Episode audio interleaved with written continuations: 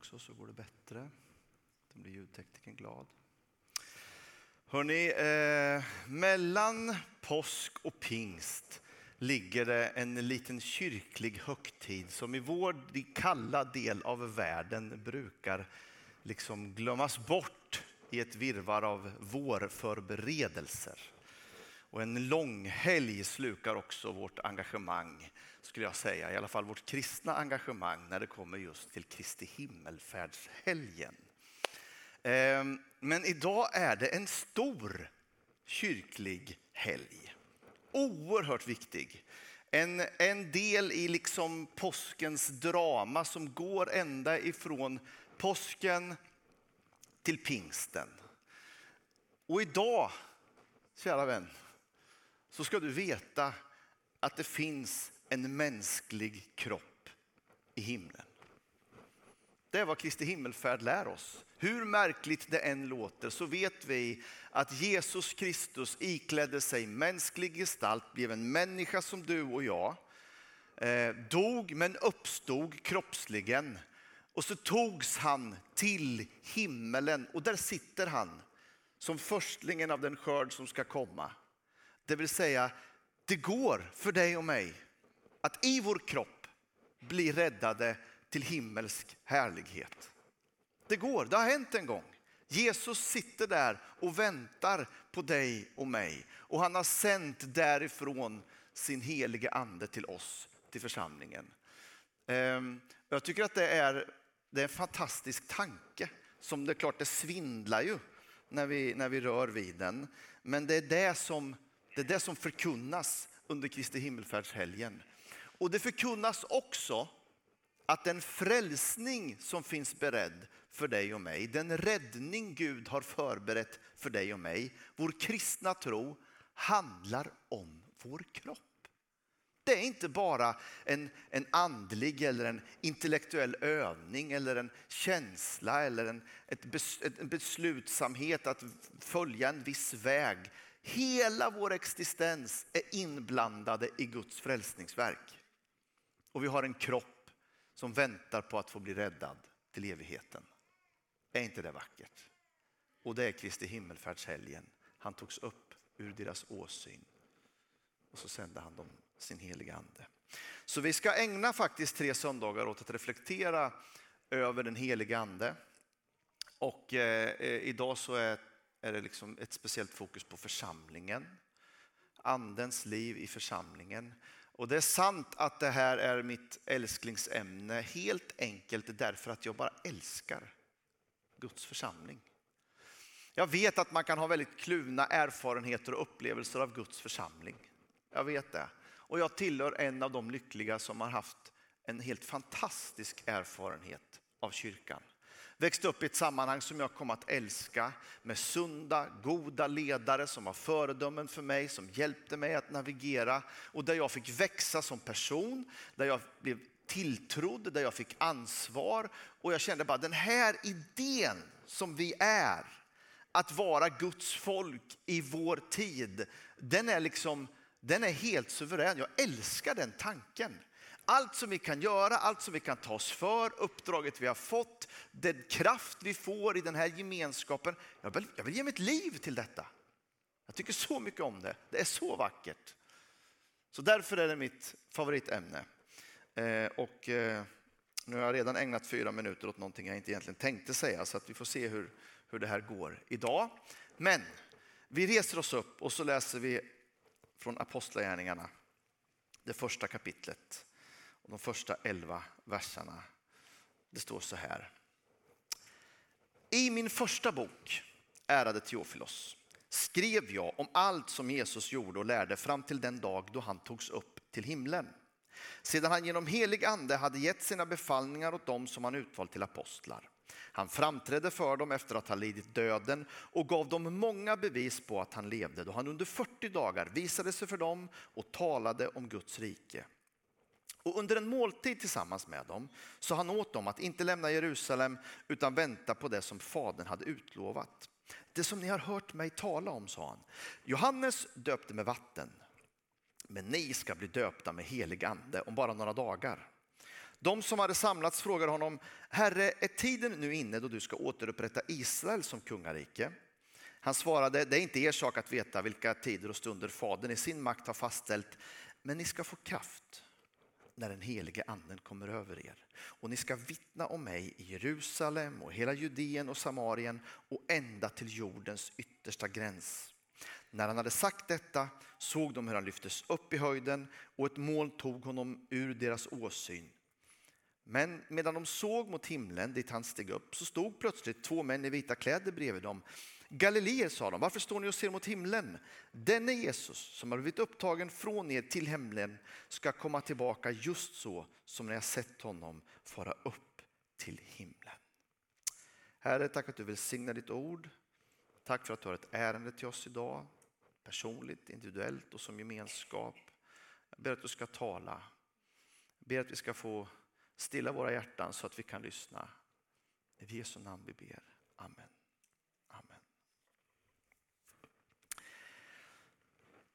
Det måste ha varit eh, 40 mycket märkliga dagar för lärjungarna. Allt vad de förstod och begrep måste ha vänts på ända. Han som var död, han lever och han har visat sig för oss. Han har talat till oss, vi har känt igen honom. Det här är ju superskumt. Och nu då så ska han ryckas upp ifrån dem igen och så säger han nu ska ni vänta några dagar till. Och så går det ytterligare nio eller tio dagar. Pente, kost, penti betyder 50. Det går 50 dagar mellan påsken och pingsten. Och tio dagar före pingsten, eller nio dagar före pingsten, så kommer då Kristi himmelfärd. När Jesus ger det här löftet till dem om den heliga anden. Och det är liksom inget litet uppdrag de får. Det skulle kunna beskrivas som ett fiasko, hela Jesus-grejen. Han samlade några lärjungar, de var väl ett hundratal, 110 stycken kanske. Eller 120 står det väl i Apostlagärningarna. Som sitter där i övre salen och väntar. Det fanns säkert fler runt omkring, men det var liksom ingen, det var ingen, det var ingen jättesuccé. Det var ingen jätteskara. Skulle kunna beskrivas som något av ett antiklimax. Och så säger han till dem, ni ska vittna om mig ända till jordens yttersta gräns. Och tänk nu att det här var människor som inte visste vart jordens yttersta gräns låg. Det var liksom, det var, det var, han skickade ut dem i intet. Liksom. Ni ska göra det här. Okej, okay, ja, yeah. if you say so. Den här grejen med att du har eh, kommit tillbaka från livet gör ju ändå att vi lyssnar. Men hur? Hur i all sin dag ska det gå till?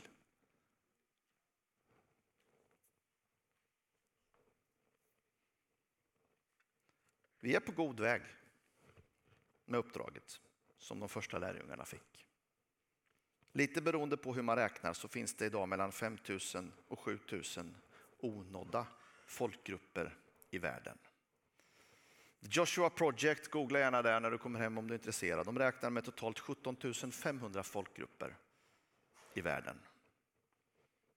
Men 7 000 av dem, eller fem, lite beroende på hur man räknar, det är mindre än 0,1 procent kristna i de grupperna. Det finns inga tecken på någon levande församlingsrörelse. De lever ofta under svåra sociala förhållanden, inget evangelium, ingen kyrka, ingen bibel på sitt språk, inget hopp om en god framtid. 5 000 eller 7 000 beroende på hur man räknar folkgrupper betraktas idag som onådda. Det är ungefär 42 procent av jordens befolkning i de här grupperna. Men 60 procent är nådda med evangelium efter den här dagen när Jesus stod där och sa ni ska gå ut till jordens yttersta gräns. Och det har kyrkan gjort. Skördetröskan har liksom den har gått varv efter varv efter varv. Kyrkor har byggts, biblar har översetts, församlingsrörelser har blommat. Andra har kommit till, några har fallit bort. Men kyrkan har varit en levande och verksam organisation över hela vår jord i 2000 år. Och det där får vi vara en del av idag. Och vi får fortsätta Guds verk. Och därför ska vi idag bara helt kort undersöka det här med församlingen och församlingsgemenskapen. För det första så skulle jag vilja prata någonting om den gemenskap som vi är kallade att vara. I våra uppkopplade liv så verkar vi faktiskt isolera oss. Människor i vår del av världen blir allt mer ensamma. Det är som att vi har gemenskap med hela världen fast på distans. Vi är uppkopplade men ändå frånkopplade och ensamma. Det är som om mängden möjliga relationer gör att kvaliteten på relationerna blir lidande och vi känner oss allt mer ensamma. Jag säger alltid i pingsttid, det är mycket som jag säger här som jag sagt förut för övrigt, så att, eh, ja, har du lyssnat på mig mycket så kan du väl, det är alltid så, ni vet. Det omvända Babelsundret. Jag tycker att det är en sån vacker bild kring vad pingsten är för någonting. Det omvända Babelsundret. Ni vet berättelsen i Gamla Testamentet om när människorna skulle göra sig ett namn. De skulle bli kända, de skulle göra sig liksom, de skulle bli stora. Och då hade man ett språk och möjlighet till kommunikation. Och Gud såg att det där inte var bra så han sände språkförbistring och så skingrades människorna ut över hela jorden och utvecklingen blev en annan. Men sen är det som att när pingsten kommer och den helige anden faller över lärjungarna och de börjar tala med ett nytt tungomål så är det som om hela skaran samlas igen. Hela världen befinner sig just nu i Jerusalem och firar den judiska pingsten. Och så händer det här undret och så samlas alla. Och pingstens folk är ett samlande folk. Församlingarna är tänkt att vara gemenskaper som samlar. Som bekräftar och bejakar och som ser. Och som ser det Gud har skapat i varje individ. Det finns teologiska traditioner som påpekar att människan är en syndare. Och det är sant. Men Gud såg att allt han hade skapat var gott innan synden kom in i mänskligheten. Och därför tänker jag i alla fall så. Oavsett vad du har gjort, oavsett vad du har råkat ut för, oavsett vem du är, så är du en god skapelse skapad till Guds avbild. Vi tror på dig. Ja, men du vet inte vilket track record jag har. Strunta i det. I Guds gemenskap finns det alltid en ny start. Varje dag, varje morgon. Därför att du är skapad till Guds avbild. Och vi läser ifrån Apostlagärningarna 2, den text som ligger sen i, på pingstdagen som ni säkert alla känner igen. Att i Jerusalem bodde fromma judar från alla länder under himlen. När dånet göd samlades hela skaran och förvirringen blev stor när var och en hörde just sitt språk talas.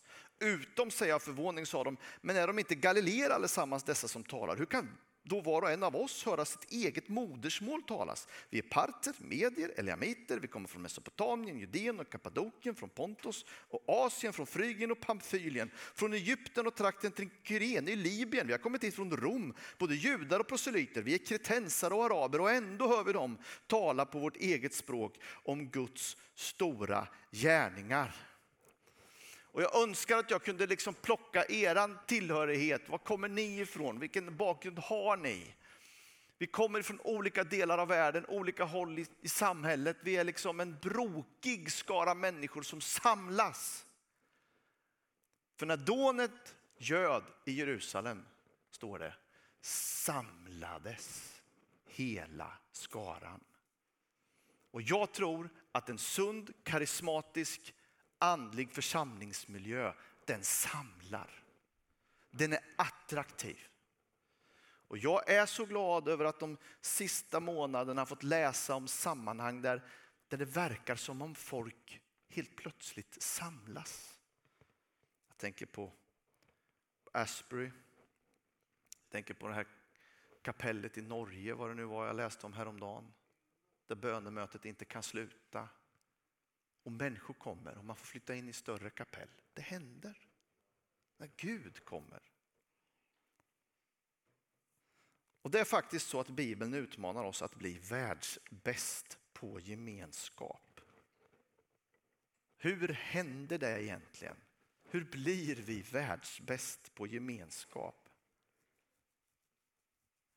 Paulus skriver så här i första Korinthierbrevet 12, versen 12 till 14. Till liksom kroppen är en och har många delar och alla de många kroppsdelarna bildar en enda kropp, så är det också med Kristus.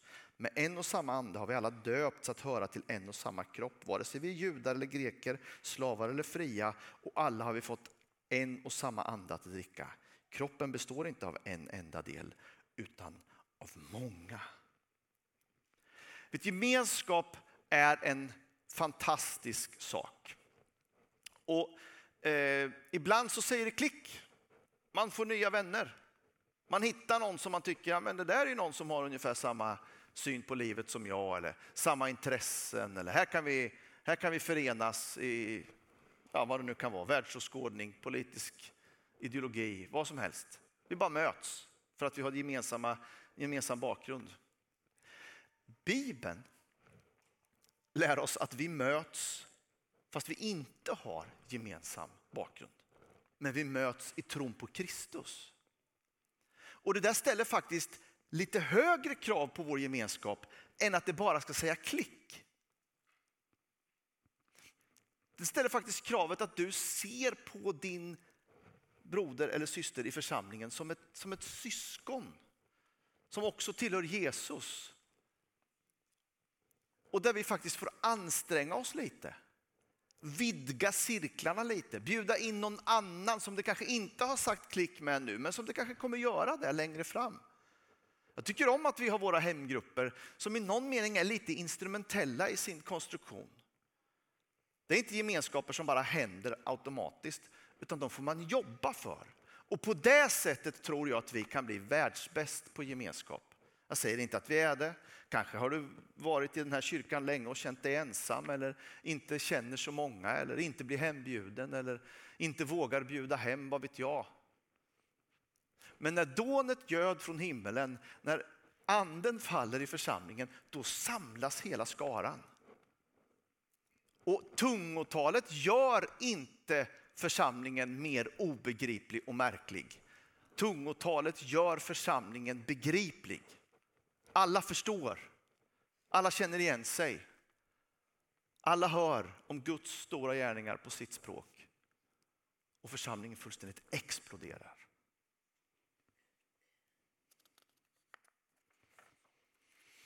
Jag skulle vilja säga någonting om uppdraget också, även om vi kommer att fokusera det lite mer i, i den här serien längre fram när vi talar om missionen. Paulus skriver så här. Han använder stora och svulstiga ord och jag återkommer ofta till dem i Kolosserbrevets inledning från vers 13 till vers 20. Han har räddat oss ur mörkrets välde och fört oss in i sin älskade sons rike. Och genom sonen har vi friköpts och fått förlåtelse för våra synder. Han är den osynlige Gudens avbild, den förstfödde i hela skapelsen. Ty i honom skapades allt i himlen och på jorden, synligt och osynligt, troner och herravälden, härskare och makter. Allt är skapat genom honom och till honom. Han fanns före allting och allting hålls samman i honom. Och han är huvudet för kroppen, för kyrkan. Han som är begynnelsen, förstfödd från de döda till att överallt vara den främste. Ty Gud beslöt att låta all fullhet bo i honom och att genom hans blod på korset stifta fred och försona allt med sig genom honom och till honom. Allt på jorden och allt i himmelen. Det är en fullständigt magnifik och grandios bild som Paulus målar upp när han ser Jesus Kristus framför sig. Och så kopplar han ihop Kristus med kyrkan på det sätt som bara han kan.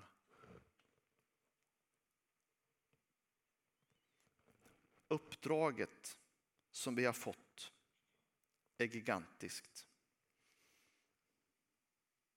Låt oss då inte bli rädda för stora visioner. Vi längtar efter levande församlingar som döper, som hjälper och som missionerar. Och den kristna tron är liksom inte perfer. Vi kommer till det alldeles strax. Men det är liksom inte vid sidan av. Den kristna tron är inte istället för. Den kristna tron är inte lite extra liksom, i livet. Jesus Kristus är allt. Allt är skapat till hans ära genom honom. Allt som finns till, synligt och osynligt. Han som är hela universums huvud, han är huvudet i vår kyrka. Tänk om vi kunde begripa det bara lite. Om vi kunde fyllas av bara lite tro på att han kan ändra sammanhang. Att han kan ändra situationer i våra egna liv, i våran stad, i vår gemenskap. För han är Herre över allt. Det är stora ord, det är Paulus ord.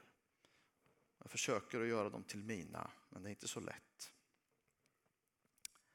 När Hosea i Gamla Testamentet, en profet, får se en syn, när han ser templet och så ser han livet som strömmar från templet, så har det av många teologer tolkas som om det är den helige ande som, liksom, som strömmar ut ur templet. Och jag tycker det är en så vacker bild på den där källan som Hosea får bada i. Han får vada över några gånger och till slut så kan han inte stå i den. Den är för, för, den är för djup och han liksom bara förs med. Han bara förs med i strömmen.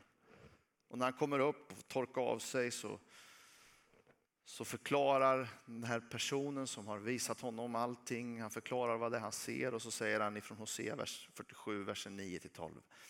Där detta vatten rinner ut blir allt vatten friskt. När floden rinner ut kan allt leva. Fiskare ska stå längs stranden. Från en geddi till en Glaim ska deras nät ligga på tork. Fisk av alla de slag ska finnas där i samma överflöd som i Medelhavet. Men gölar och dammar ska inte bli friska, de tjänar till utvinning av salt. Längs floden Utmed båda stränderna ska alla slags fruktträd växa. Deras blad ska inte vissna och deras frukt aldrig ta slut. Varje månad bär de ny frukt, ty de får sitt vatten från helgedomen och deras frukt ska ge föda och deras blad ge läkedom. Tänk dig en församlingsgemenskap som kan beskrivas på det här sättet. Hallå, allting lever där. Om du kommer dit så kommer du få uppleva så mycket kraft och glädje i ditt liv. Delaktighet, engagemang. Gud är där. Han helar dig, han upprättar dig. Det finns liv där. Hela tiden, inte bara i säsonger. Träden bär, bär sin frukt jämt och ständigt. Det är grönt där, det är gott, du kan växa, du kan slå ner dina rötter där. Vad den har du har i ditt liv, vad den du bär på.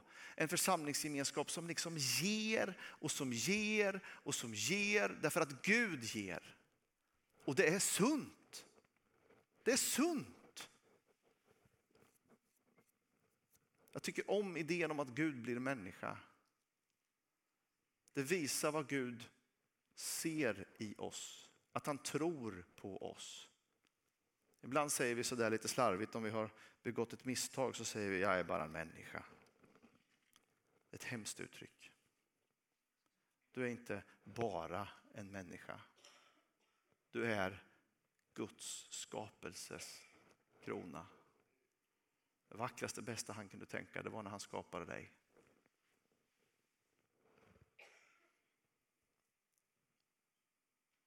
Och uppdraget är stort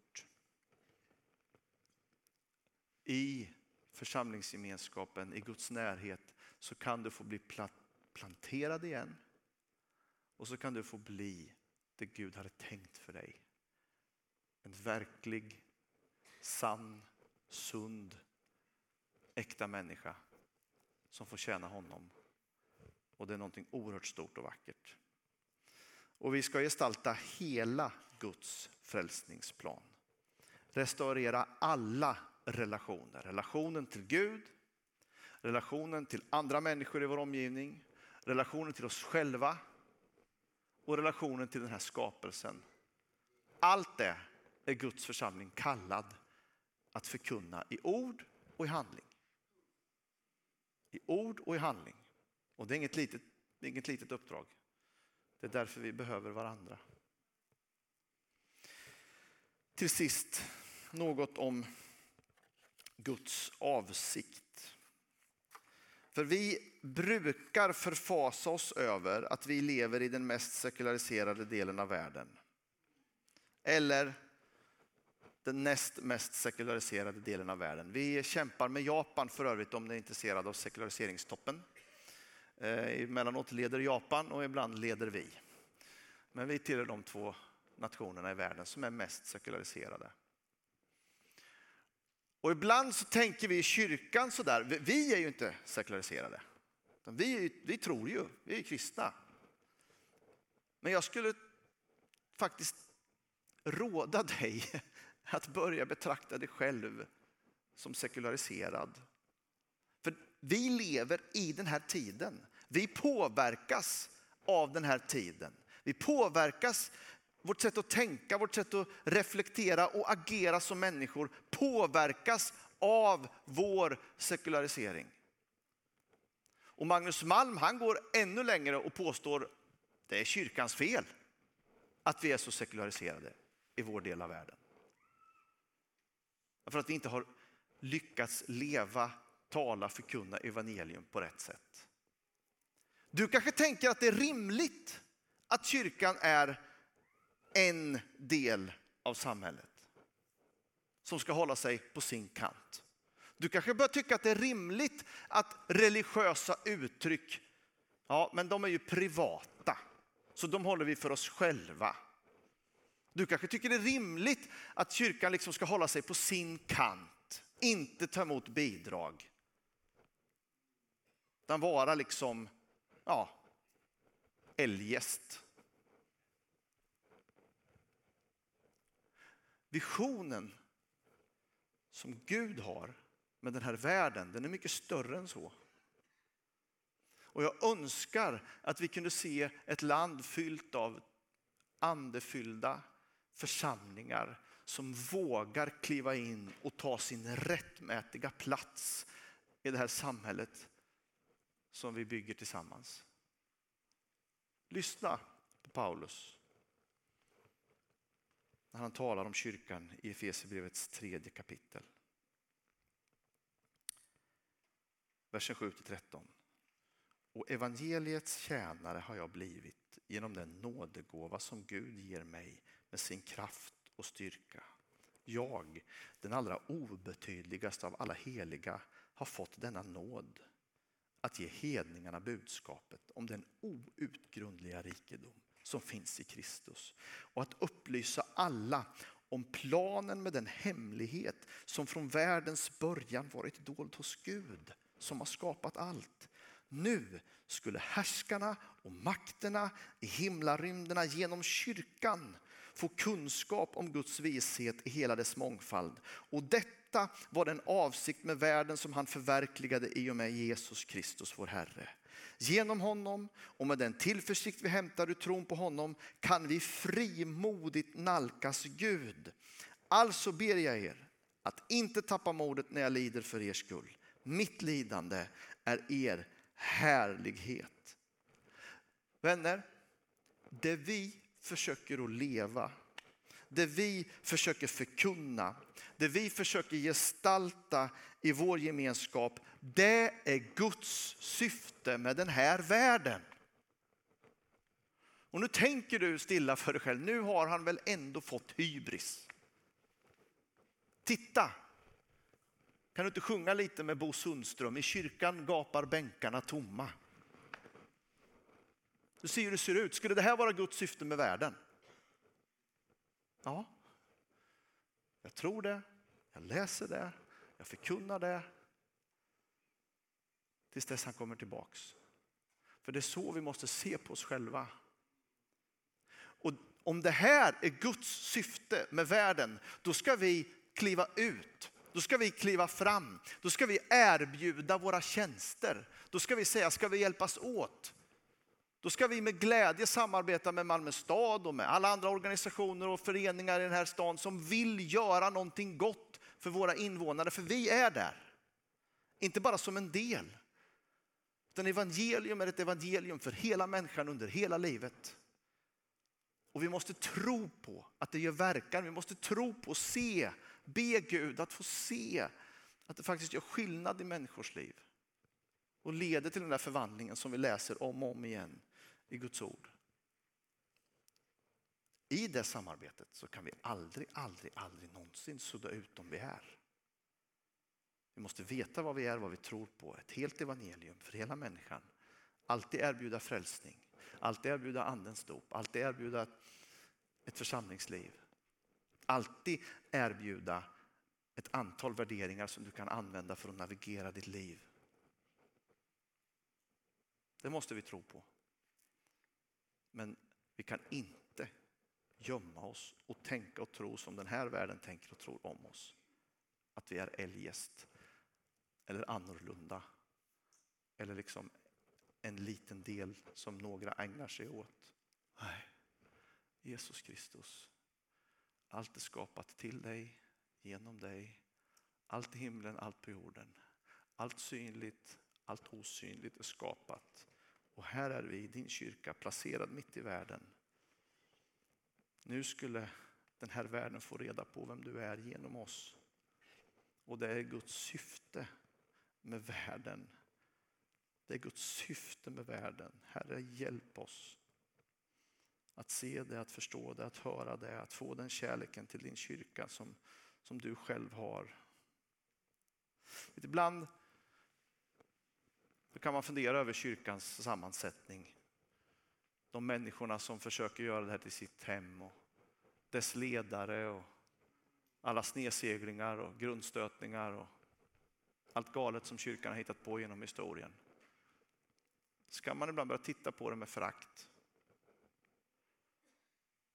När du gör det ska du veta att Gud själv identifierar sig så mycket med oss att han säger att detta är Kristi kropp. Det här är Kristi kropp, det vi är. Så mycket har Gud identifierat sig med oss, älskat oss, så mycket tror han på oss.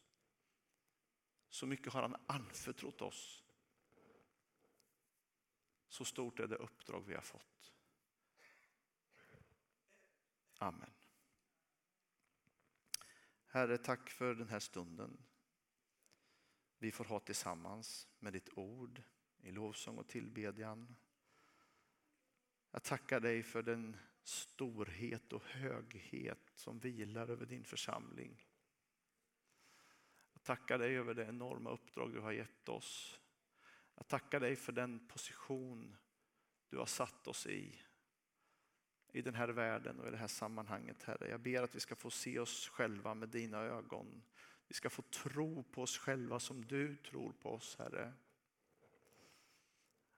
Vi ska få glädjas över den här gemenskapen på samma sätt som du gläds över oss, Herre. Du har betalat det högsta priset. Du har älskat oss mer än vi kan älska varandra. Herre, tack för det du gör ibland oss. Upprätta din församling, jag ber. Upprätta oss, kom med din helige ande, blås livets vind in i vår gemenskap, in i våra liv, Herre. Låt från varje kyrka i Malmö, låt det rinna en levande ström, ett levande vatten som är sunt och som, som är till liv och som är, som är till kraft i vår tid som behöver dig mer än någonsin.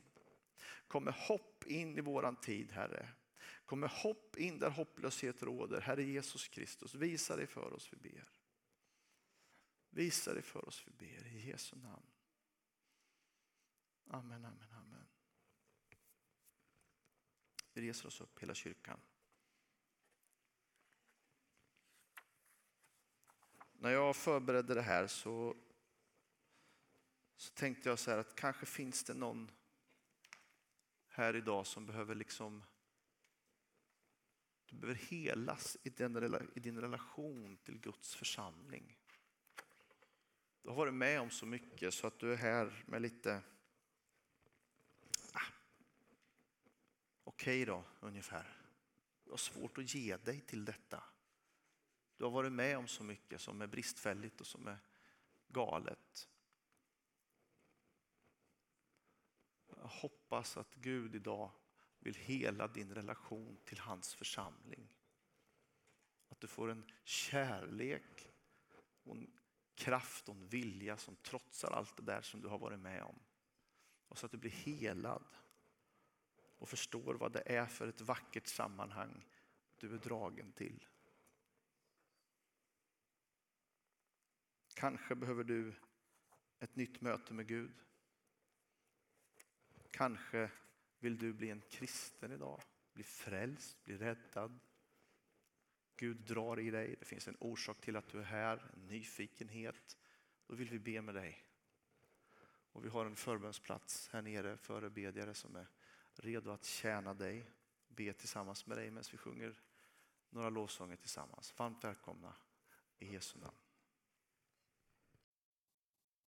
Tack för att du har lyssnat på undervisning från oss i Malmö Pingstförsamling. Så roligt att du tog del av det här. Om du blev berörd på något sätt eller om du fick några tankar eller funderingar eller om du tog emot Jesus så vill vi jättegärna höra från dig. Du kan nå oss via vår hemsida europaporten.com. Där finns kontaktuppgifter till alla våra pastorer, anställda och andra ledare. Du kan också nå oss via sociala medier. På Facebook heter vi Malmö Pingstförsamling. På Instagram heter vi Malmö Pingst. Har du något du vill att vi hjälper till att be för så kan du mejla oss på forbon europaporten.com. Då når du vårt förbundsteam direkt. Tack än en gång att du lyssnade. Hoppas att vi ses framöver på gudstjänst 10.30 på söndagar eller på någon av våra andra samlingar. Känn dig varmt välkommen. Ha det så bra så länge och Gud välsigne dig.